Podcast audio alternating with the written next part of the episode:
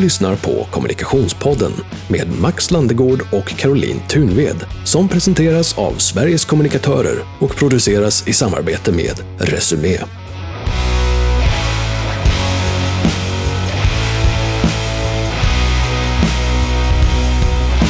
Varmt välkommen till Kommunikationspodden med Max Landegård och Caroline Thunved. Kul att du som lyssnar lyssnar. Har du tips på människor som du vill att vi ska intervjua i podden så går det bra att eh, mejla. Antingen till mig på max.storstadmedia.se eller till caroline.tunved.svkom.se Exakt. Eh, vi kommer ju ha Helena Lyth som eh, gäst i dagens avsnitt. Det kommer ju handla mycket om det personliga varumärket eftersom Helena är eh, influencer kan man väl säga. Absolut, jag tror hon titulerar sig kreativ inspiratör. Har jag hört. Just det, så var det ja. Eh, och eh, har ju varit med väldigt tidigt på resan i att liksom skapa just många följare och har ju eh, också knutit många framgångsrika samarbeten till, till sitt personliga varumärke. En sak som jag faktiskt letade upp inför avsnittet med henne, som jag prenumererar på en helsikes mängd med massa eh, nyhetsbrev och en av dem lyfter fram hur man kan ha fyra sätt att förbättra sitt sätt att kommunicera. Alltså lite self-monitoring, hur man kan betrakta sig själv för att då se, okej, okay, hur funkar jag faktiskt i, eh, i mötet med andra? Och då finns det alltså en, en fyrstegsraket och den kommer här. Spela först in en video av dig själv när du har ett fysiskt möte. Alltså inte ett online-möte utan du måste sitta fysiskt i ett rum med andra människor. Spela sedan upp videon men lägg telefonen upp och ner så du ser alltså inte bilden. Lyssna bara på ljudet. Hur låter du? Och ibland så kan man bli lite överraskad över hur man låter. Och där kanske man kan dra vissa slutsatser om, jaha okej okay, det är så här jag uppfattas. Är det någonting som står i kontrast med hur jag tycker själv att jag uppfattas? Det kan vara spännande.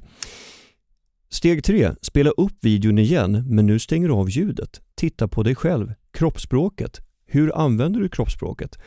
Ligger det i linje med de saker som du också säger under mötet? Och det fjärde steget är att du spelar upp videon en tredje gång och den här gången transkriberar du allt du säger. Markera ord som du kanske förvånas över att du använder eller upprepar. Mm -hmm. Bra tips. Lite tips. Jag, jag testade det själv. Jag tycker att jag fick fram en del saker som jag inte är säker på om jag kommer kunna förbättra eller ändra. Men eh, det var en väldigt intressant övning. Ja, verkligen. Det kanske jag ska göra. Så det, det, mm. Men hur, hur, man, hur man kan sätta igång ett personligt varumärke, det är jag intresserad av att och, eh, ställa frågor till Helena om. Och sen så eh, hur man faktiskt ska våga promota sig själv, för på många sätt är det ju det man gör. Mm, verkligen. Jag känner ju Helena sedan många år tillbaka och jag vet ju att hon bland annat är duktig på att inte stänga dörrar. Eh, och att det ledde henne eh, faktiskt också till att komma in på Många ström, TV4, morgonsändningarna, morgon-tvn. Eh, och just det, där var ju du i morse Max. Ja, just det. Ja, jag, och, ja, jag och Maria Martelör har släppt en bok, Det här livet är för litet, om nio svenska bedragare som ville ha ut mer av sitt liv. Och då var vi i Nyhetsmorgon i, i morse. Mm, det är ju superstort, för det är alltså, det, den kanalen är ju eh, väldigt eftertraktad. Jag har ju sett den i alla mina jobb och organisationer. Det brukar oftast vara ett specifikt mål, att sitta i en soffa. Mm. Ja, vi ska ehm. faktiskt sitta i SVTs morgonsoffa också. Aha, nästa det, vecka. Det är superkul. Ja, det är mm. kul. Men Helena vet jag, hon, eh, hon, är, hon brukar ofta prata om att hon inte stänger eh, några dörrar och att man måste tänka så i, eh, i att komma vidare i sitt jobb. Men mm. ska vi eh, öppna dörren och släppa in henne? Det gör vi. Nu säger vi välkommen till Helena Lyth.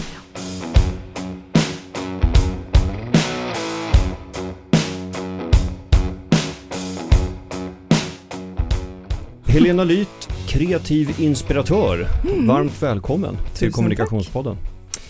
Vill du börja med att berätta vad kreativ inspiratör innebär för dig? Ja, det är en, en väldigt bred eh, titel. det är många SNI-koder bakom den ja, äh, ja. titeln.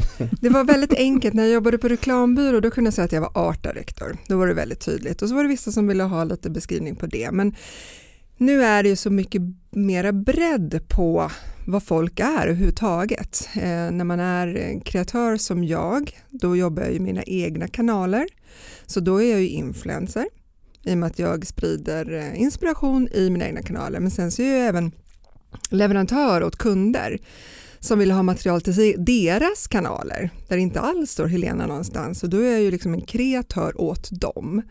Så att det blir väldigt brett och sen så är jag liksom, jag fotar själv och jag skapar själv och sen är jag författare med att jag gjort bok. Så att jag, ja, lite i tv-rutan och lite radio och sådär så så jag, det är en väldigt bred titel. Det är en bred titel och jag tänker bara att innan vi går in på eh, intervjun och temat som handlar lite grann om hur man skapar ett personligt varumärke.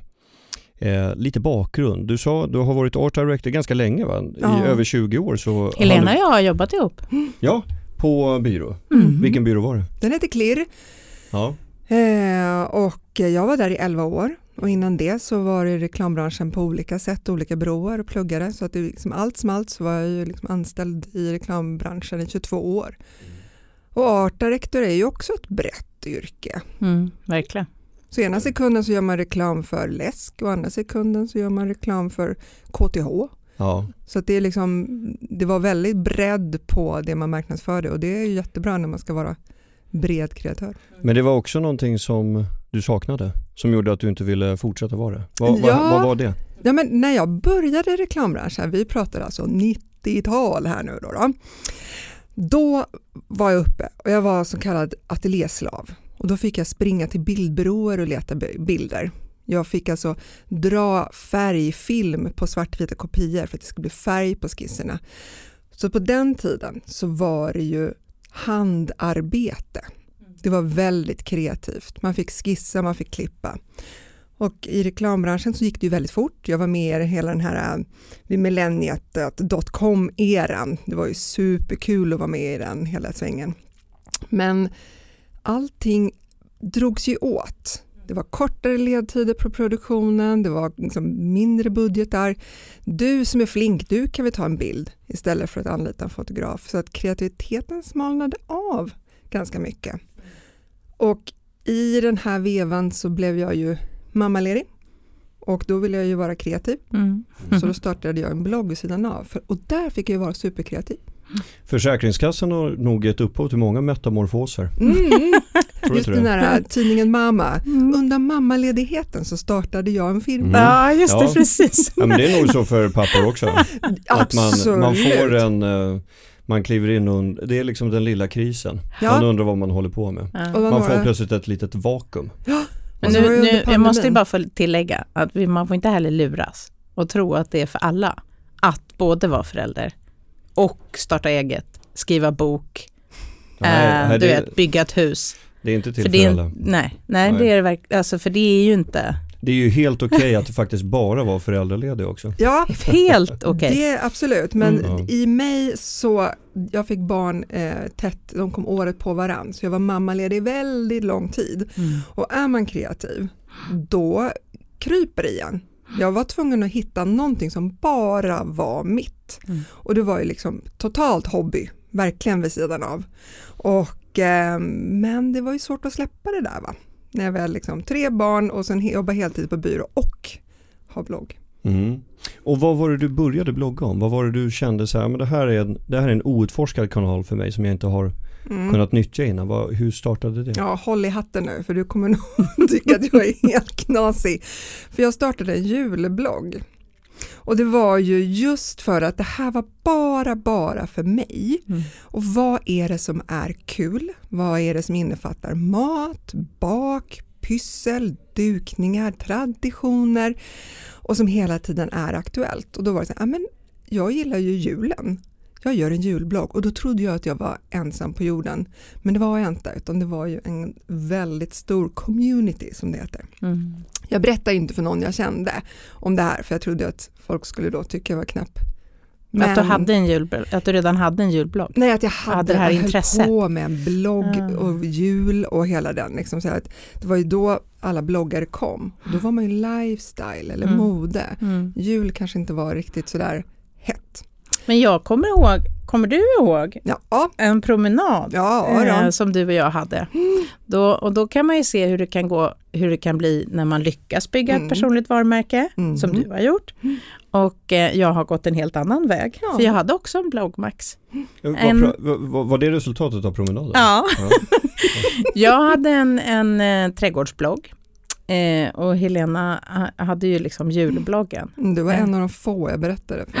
Mm. Och så gick vi där och pratade om att vi skulle våga satsa och lite så. Och sen kom du bara någon dag efter, om det inte var dagen efter, Mm. och sa att du hade skickat ett mejl. Ja, Och det är lite liksom så som jag minns i alla ja, fall. men det är precis så det var. Skicka start- ett mejl, vadå? Jo, så här att jag har aldrig spelat dataspel, men statistik på en blogg kan ju räknas som poäng. Mm. Så att jag såg ju, bättre jag var, ju oftare jag postade, desto mer inom citattecken poäng fick jag.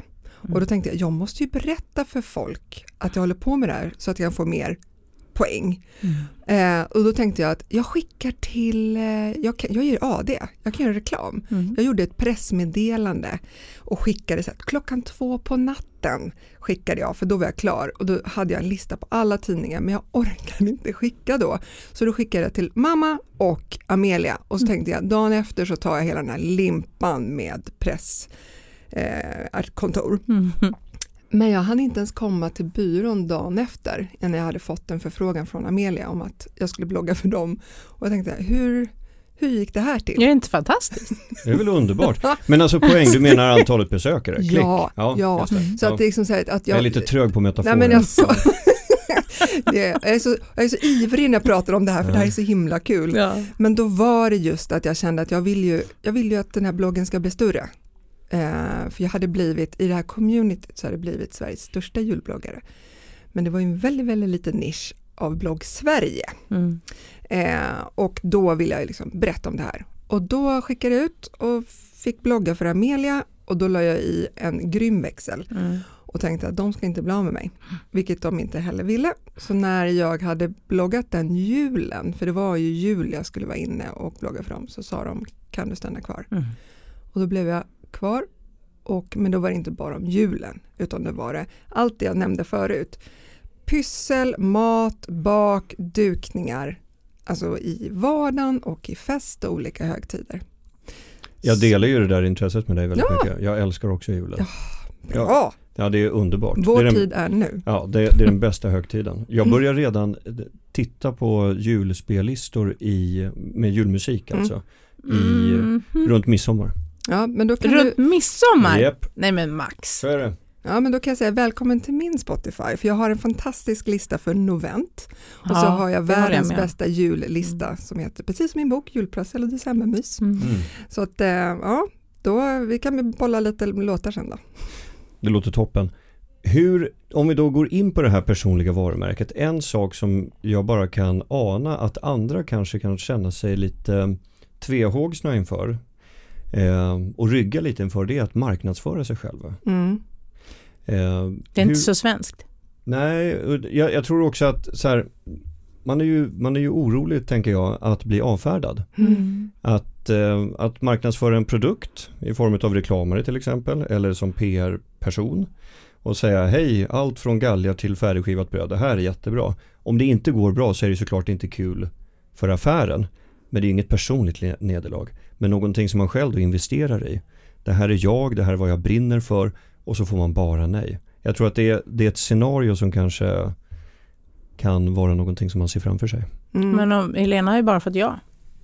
Har du verkligen bara fått ja? Absolut inte. Nej, det tror inte jag på. Och det, det, för det är det där som är, jag, jag tänker för de som lyssnar så kan det ju vara lite intressant att se hur man Ja. hanterar de Mm. frågorna. Bara. Mm. Ja, men om man ska ge sig in och skapa ett personligt varumärke så måste man ju se det som en produkt.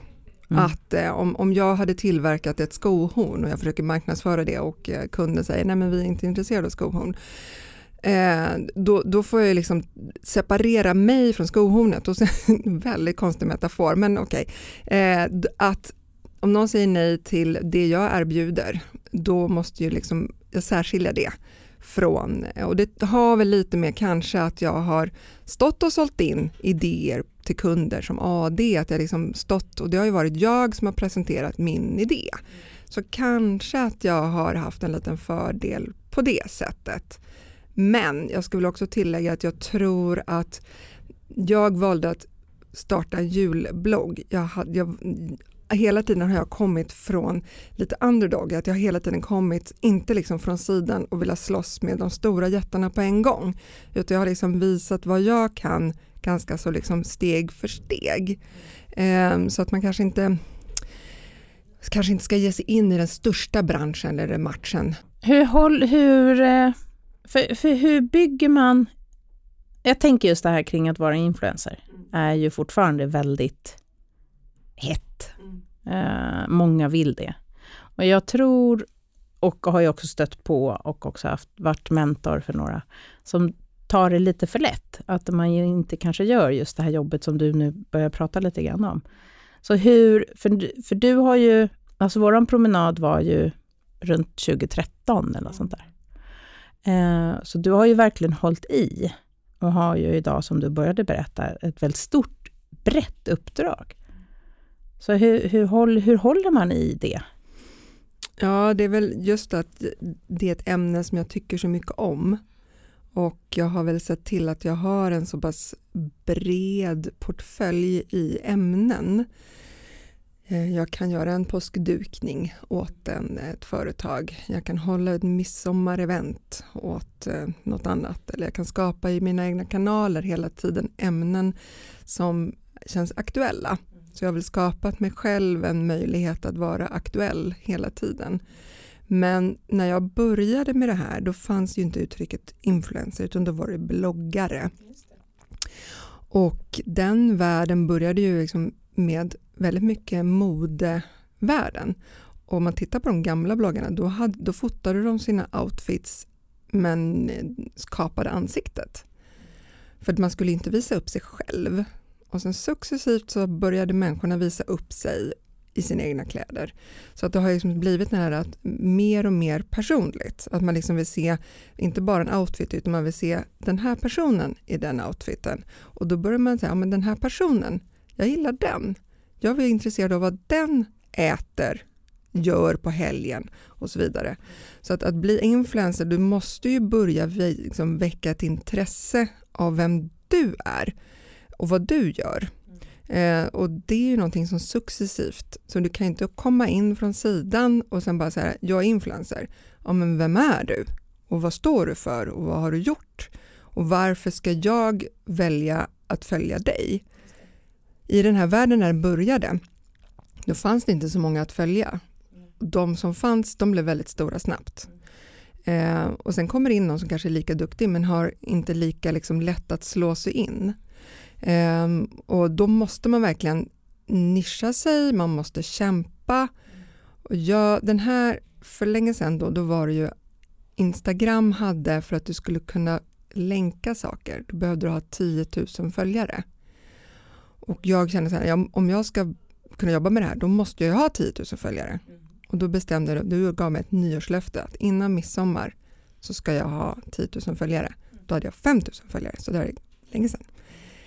Eh, och jag fick ju liksom ett osunt förhållande till Instagram för jag var liksom det första när jag vaknade och det sista när jag la mig eh, och hela tiden var det aktiv, aktiv, aktiv och lyckades då med tre veckors marginal få 10 000. Eh, men och det här frågan liksom att hålla i och det är just, jag älskar det här. Och det är inte att jag vill synas utan jag vill inspirera med det jag, jag gör. Jag vill att någon ska göra ett vackert julbord. Jag vill inspirera till att andra kan göra en tisdag trevlig. Det är verkligen det jag brinner för. Och särskiljer mig liksom kanske lite, alltså jag tar bort mig själv från det. Men jag märker ju att folk blir ju inte intresserade av att följa mig om inte jag visar upp mig idag. Mm. Så där måste man kliva in. Där, där blir jag lite intresserad för du pratar ju om autenticitet på något sätt, att man vill se människan bakom berättelsen. Eh, när det finns ett så stort anspråk på att du dels ska visa dig själv och samtidigt måste du sticka ut och differentiera, differentiera dig så pass mycket så att just du som person blir intressant. Nu tänker jag inte på, på just dig utan jag tänker på influencern som idé mer. Eh, och där är jag övertygad om att du har eh, bra omvärldsbevakning också på, mm. man behöver inte nämna några namn, men jag tänker att eh, finns det några risker där att man också förvanskar sig själv? Man går mycket längre än vad man egentligen borde göra, man visar upp ett liv som man egentligen inte har, bara för att ha det här eh, följarskaran och göda den, liksom, att det blir, kan bli destruktivt också. Absolut, och det, jag tycker det, ju mer personlig en influencer är, desto mer reaktioner och engagemang får man. Och eh, jag har valt att inte nämna mina barns namn. De förekommer när vi lagar mat och vi pysslar och så vidare. Men jag har valt att inte liksom ha dem med som en del i. Och det är ju upp till var och en. Men för att jag ska hålla så och, och framförallt att mina barn inte ska liksom bli en props i liksom det hela eh, så har jag valt att liksom, jag får ju förfrågningar så här att ja men du kanske kan eh, skapa det här ihop med dina barn eller vi tänkte att du kunde göra outfits med dina barn. Bara, Nej men det gör inte jag. För att det jag ehm, det lirar liksom inte riktigt med den jag är.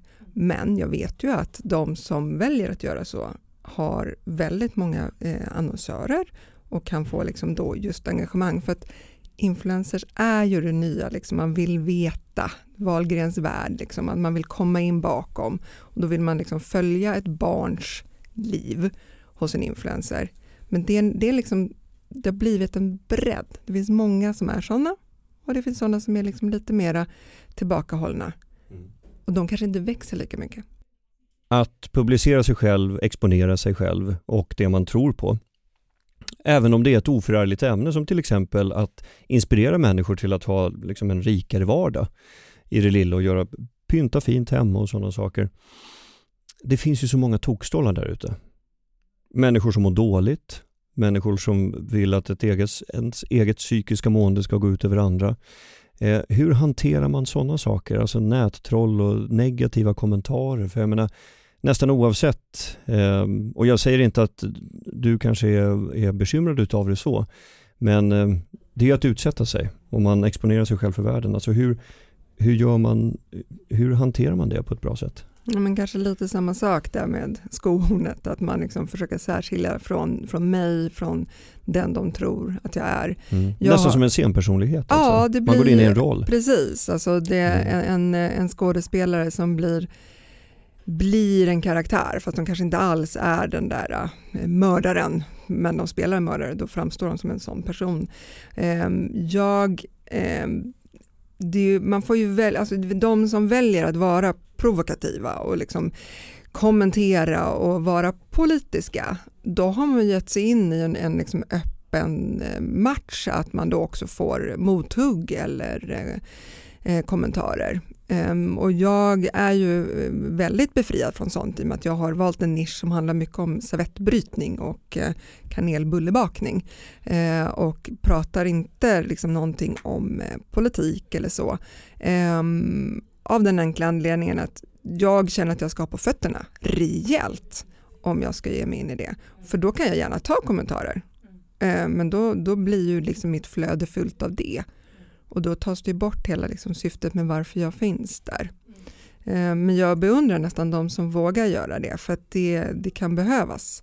Eh, att folk kommer till tals med olika frågor. Men det, då måste man ju vara beredd på att äh, få reaktioner. Mm. Jag tänker på, jag tänkte min cliffhanger-fråga där, när jag gav Max eh, frågan istället.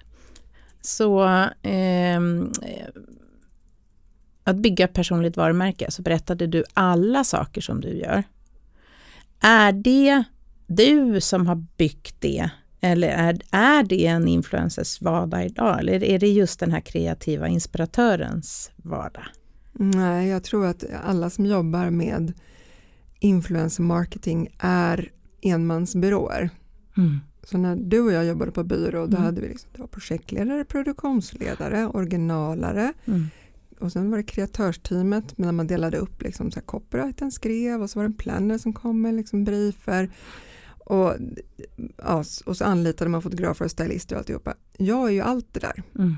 Så när en kund säger så men vi ska eh, marknadsföra en ny vegetarisk färs här, Mm. eh, vad vill du göra? Och då börjar jag liksom säga, okej okay, vad är budgeten, vad är tidsplanen, jag måste styra upp det här och sen ska jag komma på en unik idé. För kunden kanske går till sju andra också, Mm. influencers. Mm. Och så ska jag liksom då komma på en bra idé, unik idé som särskiljer sig och så ska man se att det går in i timern där, liksom är det tidsplanen och så ska jag ju då köpa, laga maten, styla, fotografera, gärna vara med på bild också. Och då ska jag liksom ha något nytt och fräscht på mig, så här, sminka upp mig Mm. och så ska man liksom ta de där bilderna i, och då. Och sen ska jag skriva texterna och så ska jag publicera och sen ska jag ta hand om kommentarerna som kommer Ja. på det där. Ja.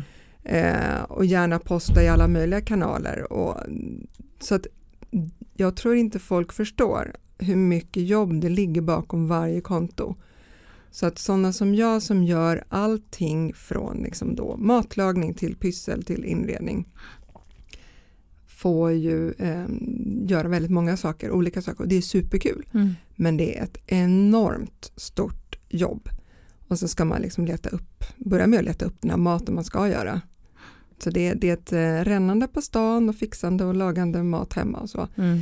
Ehm, så att de som jobbar med det här är personliga varumärken men också enmansbyråer. Mm. Men vem, vem är, om man är en enmansbyrå, vem är din speaking partner för teamet som vi hade? Vi satt ju och bollade Mm. och satt sena nätter och drog och bara, nej men det kanske finns någonting som är bättre. Och bra idé, men var är insikten? Och vem, vem bollar du med?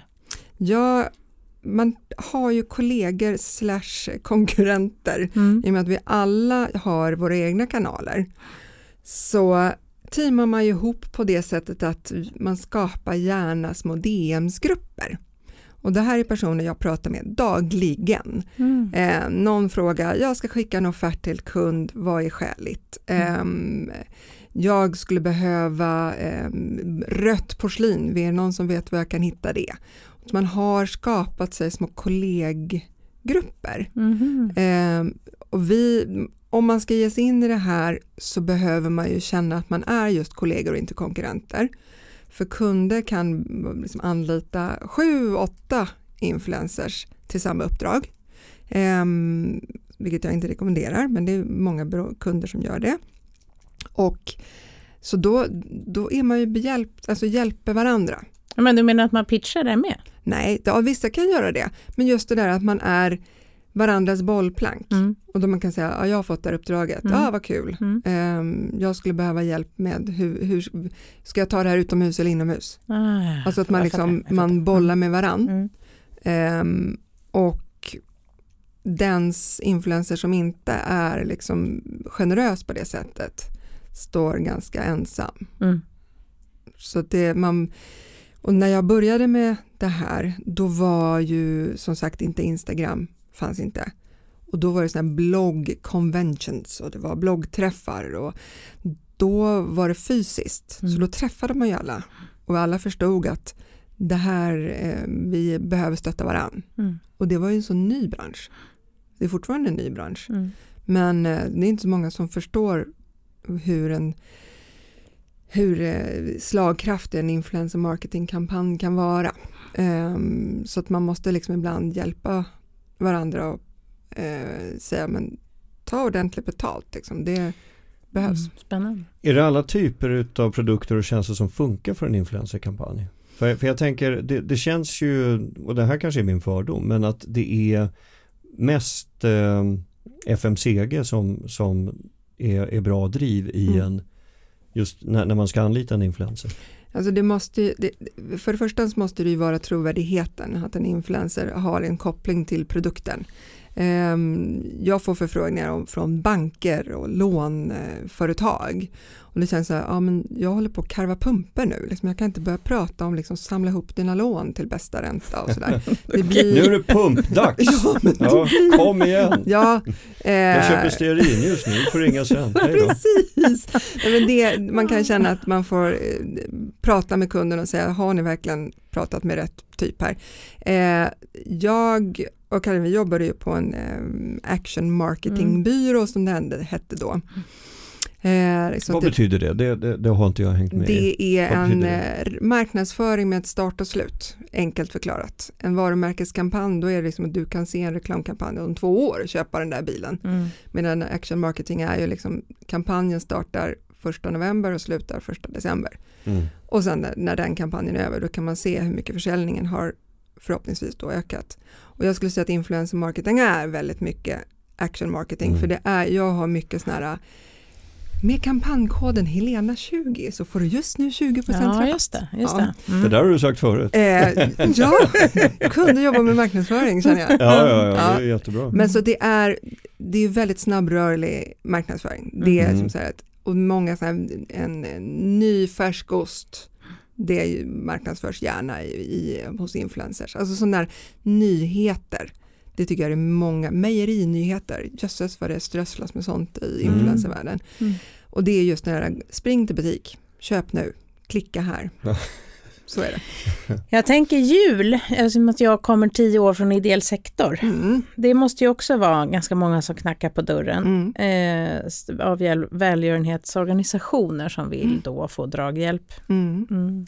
Så att, eh, inte bara Nej. produkt. Precis, och det, ehm, det var väl lite så när man jobbade på byrå. Jag tyckte att alla reklambyråer i Stockholm hade alltid en Mm. Kund Pro bono-kund, som ja. var pro bono. Mm. Och det skulle jag vilja säga att det gäller väl lite nu också. Mm. Ehm, det som kan vara lite frustrerande är att influencervärlden är dominerat. Jag är ju en oldie i eh, influencervärlden. Jag är ju asgammal om jag jämför med många andra. Mm. Och många liksom, kunder och ideella nyttjar att det kanske många unga tjejer, det här är en väldigt kvinnlig bransch, ehm, blir glada för att göra ett samarbete.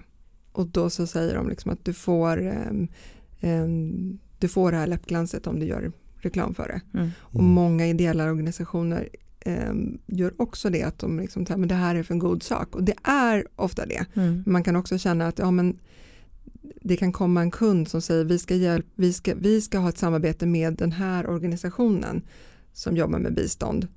Ehm, och om du visar upp den här produkten så säljer vi till en viss summa som går till den organisationen. Ja men den här kunden, den säljer en produkt. De kommer ju ändå Mm. tjäna pengar Ja, någonstans. Ja. Och det här är någonting som jag Man spelar på människors om. goda vilja. Ja, Mm. och också att den är en sån ung bransch. Att det är väldigt många tjejer som vill bli influencers och så gör marknadsföring. De tar emot en morgonrock och så gör de, visar de upp den och så säger de gå och köp den här. Men det de missar är att den här morgonrocken måste de beskatta. Vilket då gör att de ändå måste betala för ett samarbete.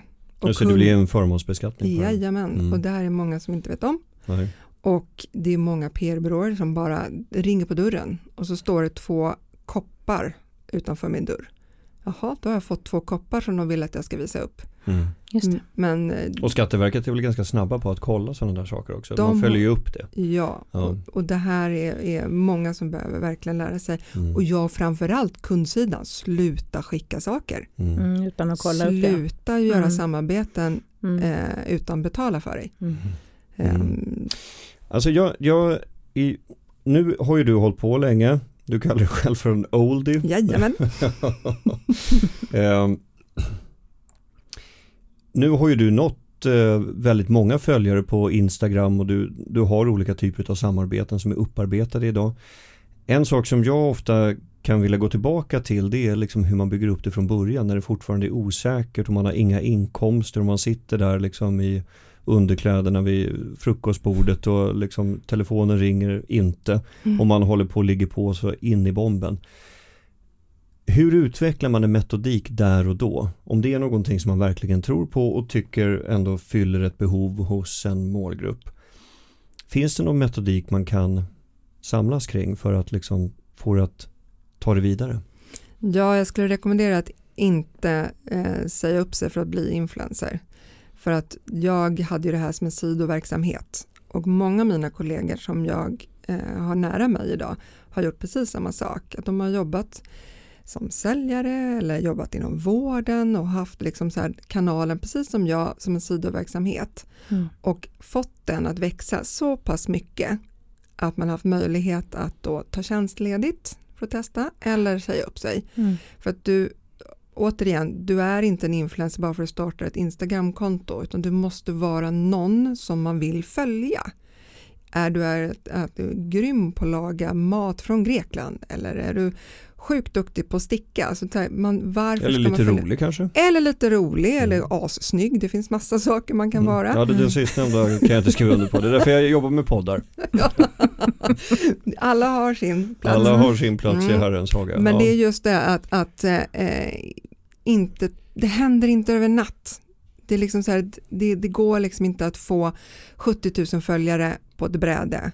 För några år sedan så var det folk som försökte köpa till sig följare. Mm. Eh, men det märkte ju kunder genast att eh, det går ju inte. Nej, det, går, det, men det ser man väl på sista raden också, det ger ingen effekt. Absolut. Ja, det är inga produkter som säljs heller. Mm. Nej. Och, eh, Och sen, att, och sen det där som du var inne på, att enträgenhet, Mm. det tar lång tid och det är väldigt mycket arbete också. Ja, just den där enmansbyrån. Är du en som är jätteduktig på att laga mat? Eh, du måste bli bra på att fotografera också. För Mm. att den här maten måste se god ut. Så att det, är liksom så här, det finns så många saker som man ska kunna. Eh, du ska skriva bra och, eh, vet, och sen så lära dig sociala medier. Mm. Det, det tycker jag är så svårt för att med en blogg då är det ju det är mitt forum. Mm. Men Instagram, då är jag helt i händerna på en algoritm. Det är en amerikansk app Mm. som bestämmer om mina saker syns eller inte. Ja.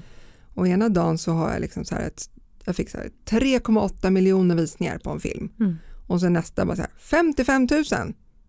Den ena var inte bättre än den andra. Nej, och vad beror det på? Ja, algoritmen. Jo men eh, kan, kan du ta oss bakom kulisserna på hur algoritmerna tänker? Du som är så integrerad i att försöka förstå hur det funkar. Om jag kunde Ja. svara på det så hade jag varit asrik. Ja, för att då hade jag inte de ju knäckt koden. Exakt, jo, men, det, men det är ju intressant att bara ha ett resonemang om det. För, för det är ju precis som du säger. När, när vi har gjort saker i mitt bolag åt, Mm. åt kunder så finns det vissa saker som, man då in, som inte är köpt räckvidd, som bara är organisk. Mm. Eh, som har tagit stor skruv. Mm. Mm. Inte anmärkningsvärda saker. Kan man Oftast en konstatera katt. efterhand. Ja men alltså motsvarande Mm. verkshöjd alltså. Mm, ja. Eh, som verkligen tar skruv och andra Mm. saker som man har lagt mycket krut på. Ja, och det, men det här är ju ett jätteproblem och man Mm. blir så frustrerad både som influencer men också som företag. Mm. Och jag, när kunden kommer och säger ja det här blev ju inte så många visningar som vi hade tänkt. Och bara, Nej, men det, jag är ledsen. Ni Arbetet godkände materialet. Jag har lagt ner Mm. massa tid på det här och det, allting är bra. Mm. Allting har liksom check på men det, det gick inte. Och då är det algoritmen och de, de vill ju tjäna pengar. Mm. Så just nu har de en drive att så fort jag går in på Insta så säger de så här, vill du nå fler kunder, sponsra dina eh, poster. Så då är det ju så att de har ju först visat dig att du kan nå stor publik Mm. och sen nästa då blir det så här, vad, vad, vad, är det här nu då? Ja, om du betalar Mm, så det. visar vi Mm. det. Mm. Så de, de är ju, eh, Mm. och när Instagram kom då var det ju ingen betalning. Nej. Och när folk var, blev fast i skiten, Mm. då ska man betala för det. Mm. Men det där, det där, är- det där förlåt, jag, jag- bara en kort addering till det som du säger där, för det där är väldigt intressant. Också på kundsidan så är det där viktigt för kunder som beställer influencer marketing att faktiskt förstå egentligen alla typer av kommunikationsaktiviteter. Att eh, i slutändan så måste ju människor bedöma om det som du ska sälja eller om det huruvida det är en tjänst eller produkt faktiskt är relevant för dem. Mm. Just det, och du konkurrerar med allt möjligt. Jag menar oaktat vilket konto det är så du konkurrerar ju med Netflix, SVT Play, Sveriges Radio, en promenad, vara med barnen, komma ikapp med räkningar. Du, du konkurrerar om den tiden. Mm. Och det är inte alltid som den, den förståelsen, den samsynen måste ju finnas så att säga. Ja, men Också det- på kundsidan. Precis, och Ja. det är just det där att när jag ska posta, jag ska ju posta när andra är online, Mm. det vill säga när jag inte är på jobbet Mm. eller när folk är inte är på jobbet, då ska jag ju vara online. Mm. Så att jag har ju hela min arbetsdag och sen så, så ska jag finnas eh, tillgänglig när alla andra börjar scrolla. Och så. kommentera och Ja, moderera. Och, mm. Men jag skulle vilja addera på där att vad kunden, när jag gör ett samarbete i och med att jag är AD Mm. någonstans inom mig så vill jag alltid leverera material som kunden vill stå för. Eh, det finns många influencers som liksom sätter sig i en fåtölj och så håller de upp en burk och säger köp den här, 20% rabatt. Men jag vill ju att det ska vara en bild som kunden står för, kunden själv kan använda. Eh, och det, det är väl det som också kommer, jag känner om inte jag nu fick så stor räckvidd på ett samarbete så um, vill jag ändå ha lämnat material ifrån mig som kunden kan stå för. Så att det är liksom så här, mm, yt ytterligare leverans. Mm. Jag tänker Helena, du har jobbat så länge inom kommunikationsbranschen som sådan och jag liksom har valt den från då ha varit eh, eh, junior och så blev det AD och så gå in på ett, ett, ett helt nytt område, influencer och väldigt eh, lyckosam inom den. Hur ser du på kommunikationsbranschen idag, 2022? Vad, um, är det som det alltid har varit eller hur, hur, hur tänker du ifrån ditt, ditt skrå som du är nu? Den är, den är ju överallt. Du, du, det finns ju ingenstans du inte blir eh, kommunicerad till så att Mm. säga. Mm. Eh, och det kan vara väldigt frustrerande att känna att jag som har valt att vara ehm, i den här världen ska vara överallt också. Eh, du frågade om jag hade en podd, men nej podd har jag inte. Mm. Men jag slänger mig in med liksom förvirrad hjärna in i TikTok-världen och gjorde några tapp, tappra försök på YouTube. Och Mm. så här, men, men då blir det som, okej, men var eh, är, är jag bäst och vad är det jag kan och vad är min publik? Och då måste man liksom bestämma sig var man ska vara. Och det här fantastiska, kommer du ihåg Clubhouse som kom för något år Mm. sedan? Men visst. Det Ja. kom och gick. Det kom och gick Ja. och då tänker man så här, hur går det? Medievärldens minidisk. Ja, det var, Men det nu, var- och nu är det BeReal som liksom håller på. ja, Ja. och det, det som man måste ändå, när jag, och jag hela tiden tänker på just att jag var med i IT-bubblan, Mm. att det var ju varje dag man kom till jobbet så var det liksom, det var ett äventyr. Man visste aldrig liksom, skulle man prata, vi hade något på gång med bröderna Coen i Hollywood. Jaha ja, Nej, nu var det någon fest här, någon här Star Wars-tema. Det var ju spännande varje dag. Det totalt dog Mm. eh, och utkristalliserade sen till en liksom fungerande bransch. Mm. Och jag vill ju ändå med den erfarenheten känna att nu står jag i något influencerben här. Det kommer inte vara för evigt. Det kommer vara för evigt på något sätt, men jag vet inte hur. Mm. Och är det ett nytt TikTok, ett nytt Instagram, ett nytt Clubhouse, eh, YouTube, vad händer? Mm. Kommer TV finnas kvar? Alltså, det, är Mm, liksom, mm. det är så mycket saker som, som eh, sker och så måste man vara lite ödmjuk för att vissa saker kommer finnas kvar och vissa kommer bara försvinna. Mm. Och det tror jag att jag eh, ja, försöker känna efter. Jag kan ju bara försöka hänga med där jag tror att mina följare och läsare vill att jag ska vara någonstans. Just det. Stå och dansa på TikTok, det tror jag inte de kommer gilla eller ens tro att jag skulle mäkta med. En liten juldans kanske? Det, jag har ju dansat faktiskt en gång. Ja, precis. Vem vet? Det är kanske nu liksom Ja. det händer. Ja. Hur kan man få reda på mer om dig? Ja, man får följa mig i mina kanaler. Ja, men vad, berätta, vad heter de och, så, så att man hittar rätt? Ja, alltså det roliga var att när jag började med eh, julbloggen, det hette den Hellys jul, för att jag då återigen inte skulle berätta att det var Helena Lyt, utan det var liksom Hellyt. Ja. Mm. Eh, men sen så när jag hamnade på Amelia och Sköna Hem sen då efter det, då var det hemma med Helena. Och eh, jag, det. det, var ju, det var ju jättemysigt, men Mm. sjukt introvert, för jag är ju inte bara hemma. Nej. Så då bytte jag ju till helenalyt.se. Och det där har hängt med nu i alla mina kanaler, att jag skriver .se för att jag ser mig att jag mår bäst på bloggen Mm. och där är ju en .se-adress. Mm. Ehm, men sen också, det var ju också den vevan där när många bloggare kom så var det just alias. Mm. Man hette liksom olika. Blondinbella. Blondinbella eller man hittade på smeknamn eller man döpte sig till sin adress eller hur många kvadratmeter man bodde på. Eller det var, det. för det var liksom så här ett personligt varumärke var ju ingen som alls jobbade med då. Men sen blev det tvärtom att jag kan ju inte heta det här för det är ingen som vet vem jag är. Nej. Så då blev ju det namnet superviktigt. Mm. Ehm, och eh, nu liksom där många inredningsinfluencers ska göra färg ihop med företag, det vill säga Helena Lytz färger. Inte då hemma med Helenas färger. Nej, just det. Så ehm, namnet idag Mm. är väl eh, både en adress till var man hittar mig, Mm. men också vem jag är. Du, det hände ju någonting. Jag följde dig med spänning eh, och stort hjärta med din blogg. Ja. Mm. För de som inte vet, jag tror inte Max vet. Den Att blev den blev kapad, hackad. den blev hackad.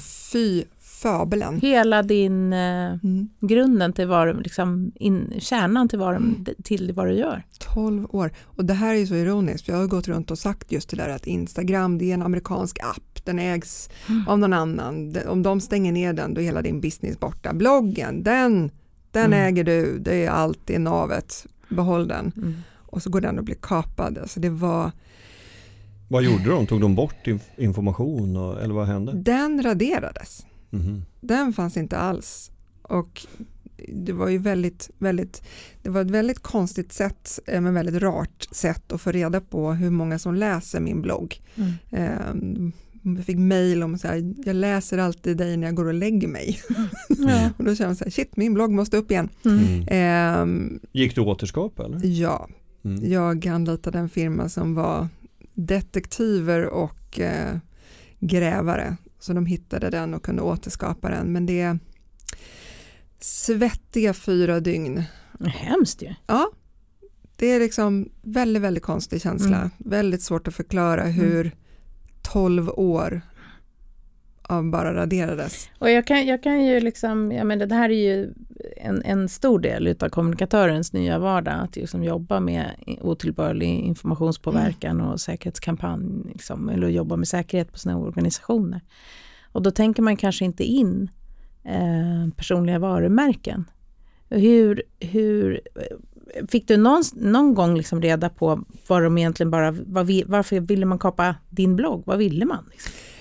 Ja, nej, alltså den, den, jag trodde ju först att det skulle vara någon som säger så här att ja, men, ge oss 50 000 kronor Ja. så får du tillbaka rubbet. Men det gick ju flera dagar utan att jag fick någon kontakt med någon. Ehm, jag vet inte, jag vet faktiskt inte varför.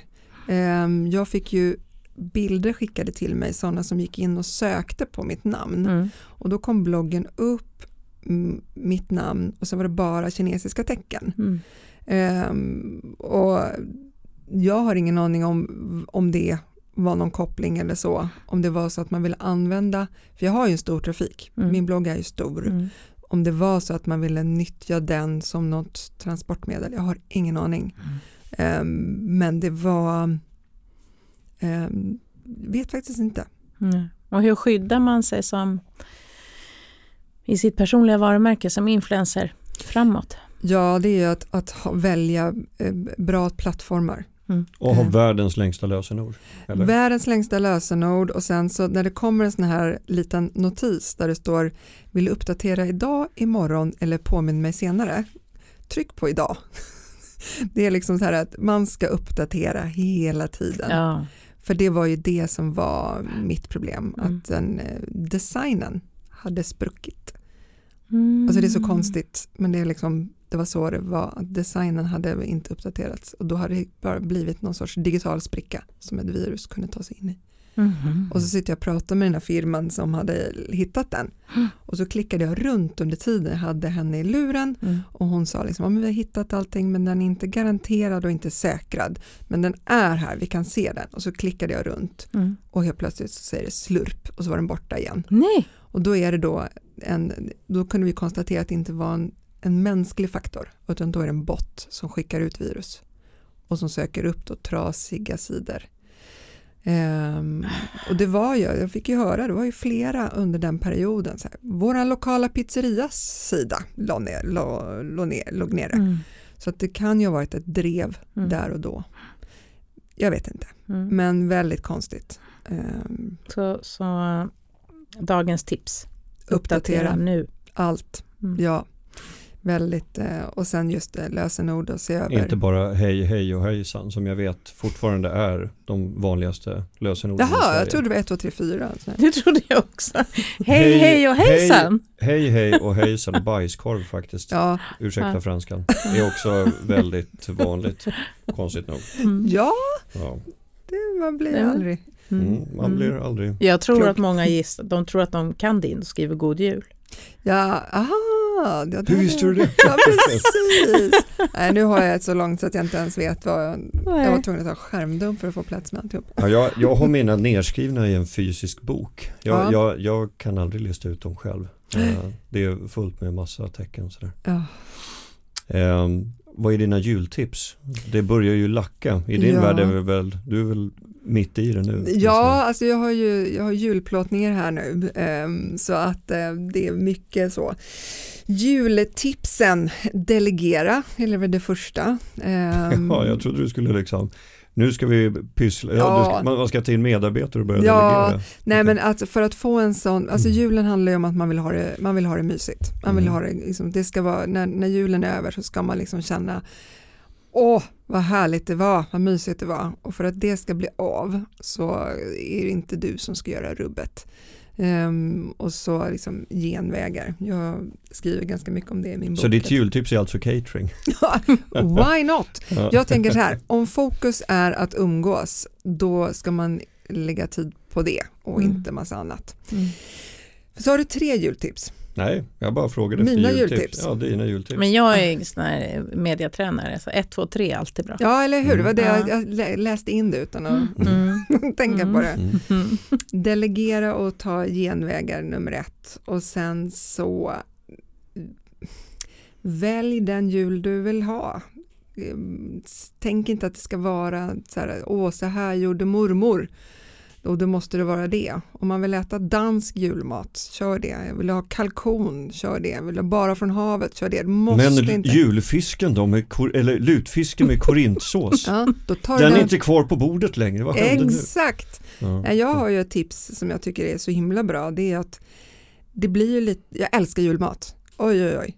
Jag är så glad att vi har samma mat på alla våra högtider i Mm. det här landet. Sill, eh, men behöver kanske inte ha allt på en och samma dag. Så att du kanske har eh, allt från havet på julafton. Och sen så tar du revbensspjäll och goda korvar och grejer på juldagen. Så tar du lutfisken på annandagen. Mm. Mhm, då mår man ju inte så illa. Nej, och det är så trevligt. Det blir så snygga bord också. Ja. Och den 27 blir den stora syltardagen. Då är det pyttipanna. Ja, exakt. Det blir mycket sån här quiche, Ja, Mm. eh, Ja. pastagratäng i ja ugn. just det. Mm. Mitt tips är att ta alla protein som är över ihop med valfri kolhydrat. Mm. Det är liksom ett plus ett. Det är ett bra tredje tips där. Ja. Ja, ja. Ja. Mm. Var det ditt tredje tips? Eller du sa två? Och mitt, jaha, eh, gå ut. Sitt inte inne på julafton. Vi har valt att alltid dricka buljong i trädgården på julafton. Mm. Som man liksom, alla tvingas att gå ut. Mm.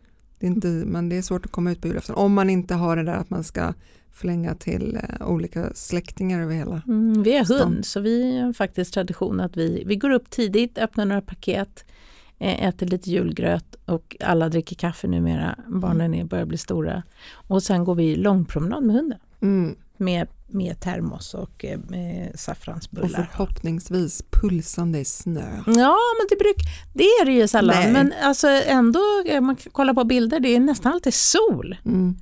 Eh, så att det är jättefina och då gnistrar det lite Ja. och lite så. Mm. Det är ju supermysigt.